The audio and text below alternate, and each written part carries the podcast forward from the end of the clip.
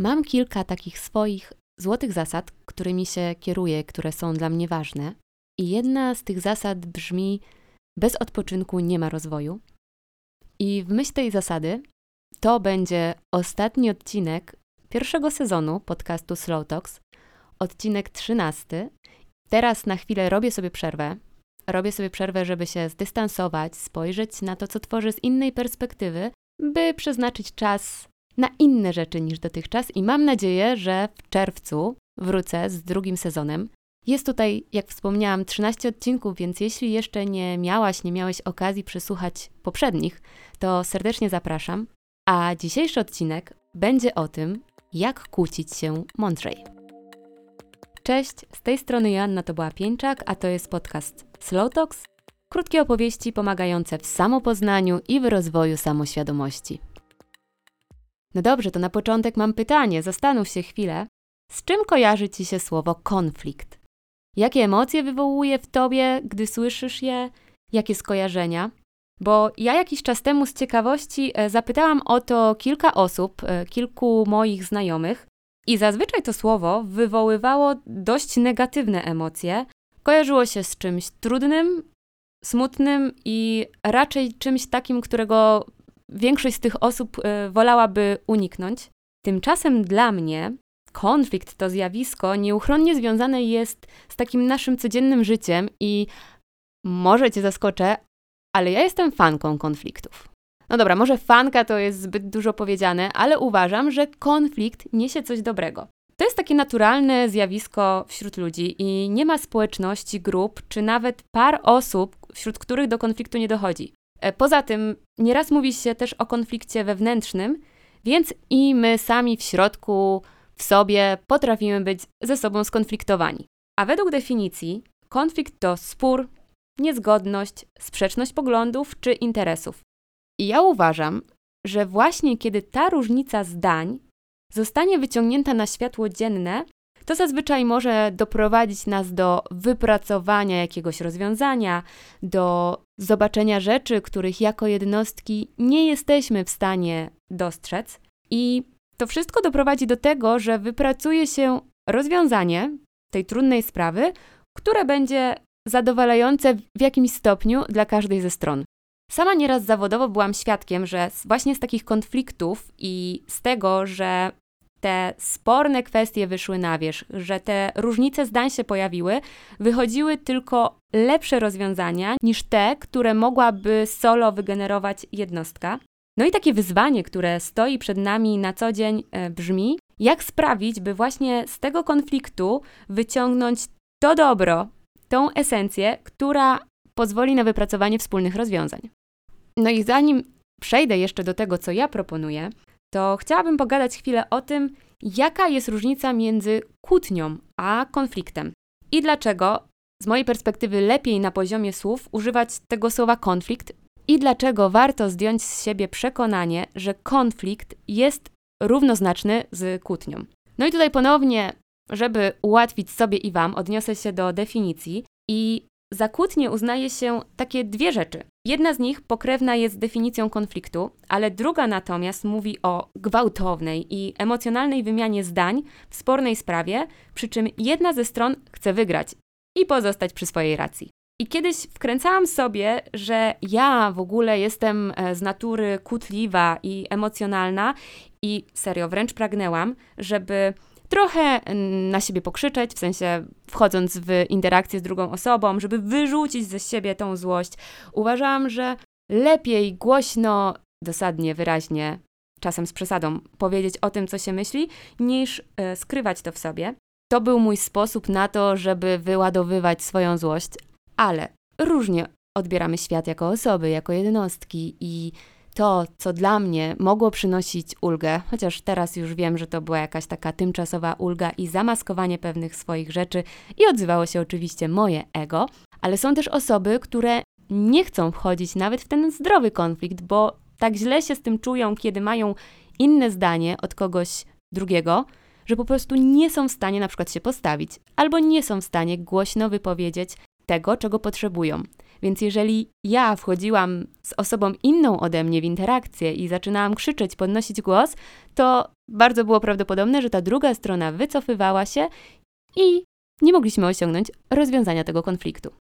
No ale wracając do tej mojej kutliwej i burzliwej natury, mm, przez kilka ostatnich lat nauczyłam się, że to jednak wcale nie jest moja natura, a jedynie takie zachwiane poczucie własnej wartości, które w jakiś sposób chce się ustabilizować poprzez rywalizację na słowa. A że w słowach i wyrzucaniu tych słów niczym z Kałasznikowa jestem całkiem niezła, no to jak się domyślacie, bardzo podnosiłam sobie samoocenę tym, że komuś, jak to u mnie w domu się mówi, to jebałam. No i przez to, że miałam przewagę w tych słowach i w krzyczeniu, to wiele rzeczy potrafiłam obrócić na swoją korzyść, więc wcale nie rozwiązywałam konfliktu tak, żeby zaspokoić potrzeby obu stron, tylko żeby zaspokoić swoje potrzeby, a w zasadzie ego, które nie potrafiło odpuścić. I w przeszłości, gdy tak sobie krzyczałam i wyrzucałam niekontrolowanie myśli z głowy, wydawało mi się, że właśnie wygrywam wielką bitwę. No ale teraz widzę, że w rzeczywistości to była sroga porażka, bo takie rozwiązanie na pewno nie było dobre dla bliskich relacji, które chciałam tworzyć. Nie było dobre dlatego, że bliska relacja czy partnerstwo to nie jest rywalizacja. I ja, jako osoba z dużym potencjałem, że tak to nazwę, do rywalizacji, dużą nutką rywalizacji w sobie, wcześniej zupełnie tego nie rozumiałam. A teraz dla mnie partnerstwo to takie wspólne działanie, bycie obok, no i właśnie wspólne rozwiązywanie problemów i wspólne rozwiązywanie konfliktów. I nawet nie mam na myśli tylko i wyłącznie takich związków miłosnych, ale po prostu mam w głowie relacje z naszymi bliskimi, z rodziną, z przyjaciółmi, ze znajomymi, a nawet z e, współpracownikami, z którymi spędzamy dosyć spory kawał naszego czasu e, w trakcie tygodnia pracy. No i to, czego ja się nauczyłam, to po pierwsze, kiedy pojawia się taka kwestia sporna, warto na chwilę się zatrzymać i zastanowić się, co zrobić, żeby ten konflikt nagle nie wyeskalował do kłótni i do tej kłótni, gdzie właśnie rozpoczyna się walka ego, niczym walka kogutów w Indonezji. Swoją drogą to jest jedno z ich zainteresowań, czyli oglądanie walk kogutów tutaj na Bali. Ale to nie temat na dzisiaj. W każdym razie, w takiej sytuacji, kiedy rozpoczyna się ta walka kogutów, nie jest głównym celem rozwiązanie problemu, a jedynie taki konkurs, udział w konkursie na to, kto ma większe jaja. I są osoby, które reagują tak, jak ja reagowałam w przeszłości, ale wspomniałam o tym, że istnieje ta druga strona medalu, czyli wycofywanie się i strach wejściem w jakąkolwiek interakcję, która może doprowadzić do zgrzytu, do jakiejś niefajnej atmosfery. I takie osoby za wszelką cenę chcą uniknąć konfrontacji, często rezygnując z siebie, odpuszczając i przez to finalnie one czują się źle. One nawet mogą nie rozumieć, dlaczego czują się źle, bo myślą, że zrobiły dobrze, że właśnie nie ma tej afery, nie ma kłótni, e, nie ma podniesionego głosu, ale de facto nie artykułując tego, co potrzebują, to przede wszystkim krzywdzą same siebie. I zarówno ten wybuch emocji, jak i unikanie konfliktu mają dokładnie ten sam problem, tą samą część wspólną, czyli nie prowadzą do rozwiązania tej kwestii spornej. I dlatego przygotowałam takie e, sześć moich sposobów na to, jak właśnie kłócić się mądrzej. I po pierwsze, coś, co mi bardzo, bardzo pomaga, nie zakładaj niczego z góry. Nie wiemy, co czuje i myśli druga strona. Nam się może tylko wydawać, ale nie jesteśmy w stanie w 100% osądzić, z jakiego powodu ktoś coś zrobił, jakie były jego intencje, jakie były jego motywy. Więc to, co zaczyna nasz mózg robić, to czynić założenia. A najlepsze, co możemy zrobić, to po prostu wysłuchać drugiej osoby i spróbować zrozumieć, co dzieje się w jej głowie. Dlaczego ona postąpiła w taki, a nie inny sposób? Bo nam się wydaje, że na przykład ktoś coś zrobił i to było celowo wymierzone w nas, a wydaje się nam tak, ponieważ jesteśmy egocentrykami, a tymczasem może być taka sytuacja, że ta bliska osoba zrobiła coś, ponieważ myślała, że to będzie dla nas dobre. Gdy w głowie pojawiają się te różne założenia, to warto je odłożyć na półkę, zignorować, albo po prostu zweryfikować je z tą drugą osobą, wysłuchać, co jej siedzi w głowie i nawet podzielić się tymi swoimi założeniami. I dzięki temu będzie można zderzyć ze sobą te dwie perspektywy i myślę, że nieraz się zaskoczysz, jak Twoje założenia były dalekie od tego, jakie były motywy drugiej strony. No i teraz będzie zabawny zwrot, bo przed chwilą powiedziałam, że żeby niczego nie zakładać, ale jest jednak taka jedna rzecz, którą warto założyć i ja ją nazywam dobrymi intencjami. Większość z nas robi coś tylko dlatego, że zakłada, że to będzie dobre i że to przyniesie pozytywny efekt, a nie dlatego, że za wszelką cenę ta osoba chce nas wkurzyć. Więc jeżeli będziemy zakładać dobre intencje, to w jakiś sposób otworzymy i naszą głowę, i nasze serce. Wtedy będzie łatwiej nie zakładać kolejnych rzeczy. I czasem ktoś zrobi coś źle, ale znowu nie dlatego, że z premedytacją chciał to zrobić, tylko dlatego, że na przykład za mało się zastanowił, albo nikt go nie nauczył, że można coś robić inaczej, lub po prostu no, nie wiedział, że można pójść inną drogą. Dlatego, jeżeli już coś masz zakładać, to zakładaj, że osoby, szczególnie bliskie, które wchodzą z Tobą w interakcję, robią coś dlatego, że się o Ciebie martwią, dlatego, że myślą, że to będzie dla Ciebie dobre rozwiązanie i Twoją rolą jest wytłumaczyć, jak to dobre rozwiązanie z perspektywy drugiej osoby jest bliskie bądź nie temu, czego potrzebujesz. Dobra, po trzecie polecam wykorzystać empatię i dystans, bo to jest niezwykle ważny czynnik decydujący o rozwiązaniu konfliktu i nazywam go empatycznym słuchaniem. I polega to na tym, że umiesz wejść w emocje drugiej osoby, spróbować poczuć to, co ona czuje, zrozumieć jej perspektywę bez oceny i krytyki. Właśnie jeżeli otworzysz tą empatię w sobie, jeżeli postawisz na empatyczne słuchanie, to masz szansę uniknąć tej rywalizacji, tego, tej chęci wyższości, bo pojawia się w zamian za to chęć takiego zrozumienia i otwartość na to, że każdy z nas jest inny. Mi czasem, żeby złapać dystans albo żeby gdzieś wyłączyć tą moją wrodzoną chęć do rywalizacji, a zacząć działać z wykorzystaniem empatycznego słuchania, to mi czasami pomaga przerwa, żeby właśnie złapać nową perspektywę i spojrzeć na problem z innej strony. Idąc dalej, warto pamiętać o tym, że każdy z nas jest inny i chyba powiedziałam to już kilkanaście razy w ciągu tych ostatnich kilku minut, ale tutaj mam na myśli to, że każdy z nas może inaczej interpretować słowa, zachowania, no i w ogóle rzeczywistość. Każdy z nas ma swój własny sen i odbiera go na swój własny sposób. Możemy czuć inaczej, mieć inny pomysł na rozwiązanie problemu i w ogóle zupełnie inaczej funkcjonować. Dlatego warto być otwartym yy, i pamiętać, żeby uszanować po prostu tą różnorodność. I ja wiem, że o kompromisach mówi się, że są najgorsze, bo żadna ze stron nie jest zadowolona. Ja jednak wierzę w wypracowywanie kompromisów, które sprawią, że każda ze stron poczuje się wysłuchana i zaopiekowana. Bo tutaj też nie chodzi o to w kompromisie, żeby go za wszelką cenę znaleźć, tylko żeby zaopiekować wszelkie strony konfliktu. Ja w związku z tym, jaką rolę pełniłam zawodowo przez kilka ostatnich lat w IT i myślę, że też w jakiś sposób przez mój charakter, potrafię dosyć szybko konflikt zauważyć. Lubię, kiedy on wychodzi na wierzch, bo czuję, że wraz z nim przyjdzie prędzej czy później rozwiązanie. Ale zdaję sobie sprawę, że nie każdy tak ma, ale to, co polecam, to przede wszystkim nieodkładanie rozmowy na później albo na nigdy, bo nie warto czekać, aż szklanka wkurzenia będzie się napełniać i napełniać, bo jak w końcu ona się przepełni, to będzie bardzo dużo sprzątania.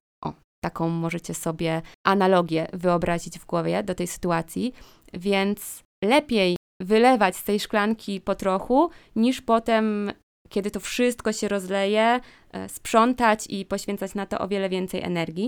Warto też od czasu do czasu podpytywać bliskie osoby, czy na przykład jest coś, o czym chciałyby pogadać, albo czy jest coś, co warto zmienić w waszej relacji, usprawnić, może popracować nad czymś, bo tym natłoku codziennych obowiązków nie zawsze poświęcamy naszą uwagę na to, co jest ważne, czyli na te relacje. A takie pytanie może doprowadzić do ciekawej dyskusji i ciekawych wniosków. No i na koniec bardzo polecam zadbać o język. I zarówno o mowę ciała, e, jak i o uspokojenie emocji. Dlatego ważne jest, żeby unikać sformułowań, które swoją drogą pewnie w 90% nie są prawdziwe. I to są takie sformułowania jak ty zawsze, ty nigdy, wszyscy, każdy.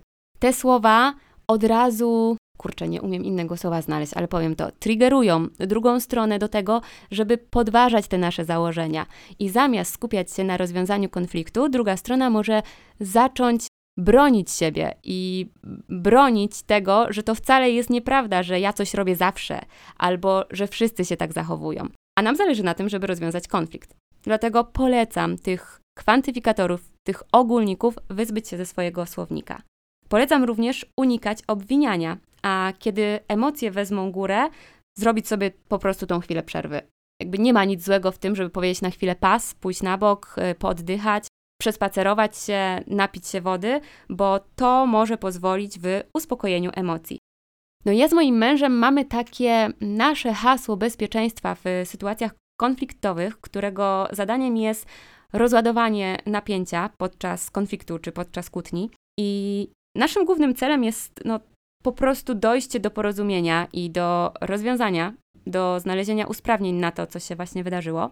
Więc kiedy jest taka napięta atmosfera i ktoś z nas y, rzuca hasło, uwaga, podaje hasło, hasło kosa, to oboje zaczynamy się uśmiechać i zdajemy sobie sprawę, że brnięcie dalej w tą dyskusję w taki sposób nie za bardzo ma sens, bo kosa w tym naszym języku znaczy właśnie konflikt, spór i wypowiedzenie tego słowa jest niejako takim zaproszeniem do zawieszenia broni, no i wspólnego poszukania rozwiązania. Zdradzam te tajniki tutaj naszego małżeńskiego życia tylko po to, żeby zachęcić Cię do spróbowania wymyślenia takiego hasła dla siebie i bliskiej Ci osoby, no bo właśnie ono może pomóc w rozładowaniu napięcia podczas kłótni, ostudzenia emocji i po prostu być tym zaproszeniem do wspólnego rozwiązania problemu. Możesz też stworzyć takie hasło tylko dla siebie, które będziesz przywoływać w momentach, kiedy poczujesz, nie wiem, zbliżającą się falę wkurwienia, albo taką falę mówiącą uciekaj, zrezygnuj z siebie i poddaj się i w ogóle nie walcz. A jeśli masz ochotę, to jak najbardziej zachęcam do korzystania z naszej kosy, bo u nas już od kilku lat całkiem nieźle się sprawdza. No dobra, to trzynasty odcinek za mną.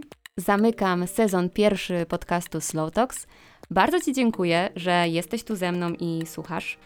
Więcej treści ode mnie znajdziesz na moim Instagramie i w cotygodniowym newsletterze, w którym swoją drogą też robię chwilową przerwę. A jeśli podobają Ci się odcinki ode mnie, to będzie mi bardzo miło, gdy udostępnisz informacje o nich dalej. No i wracam z kolejnym materiałem w czerwcu. Dobrego dnia!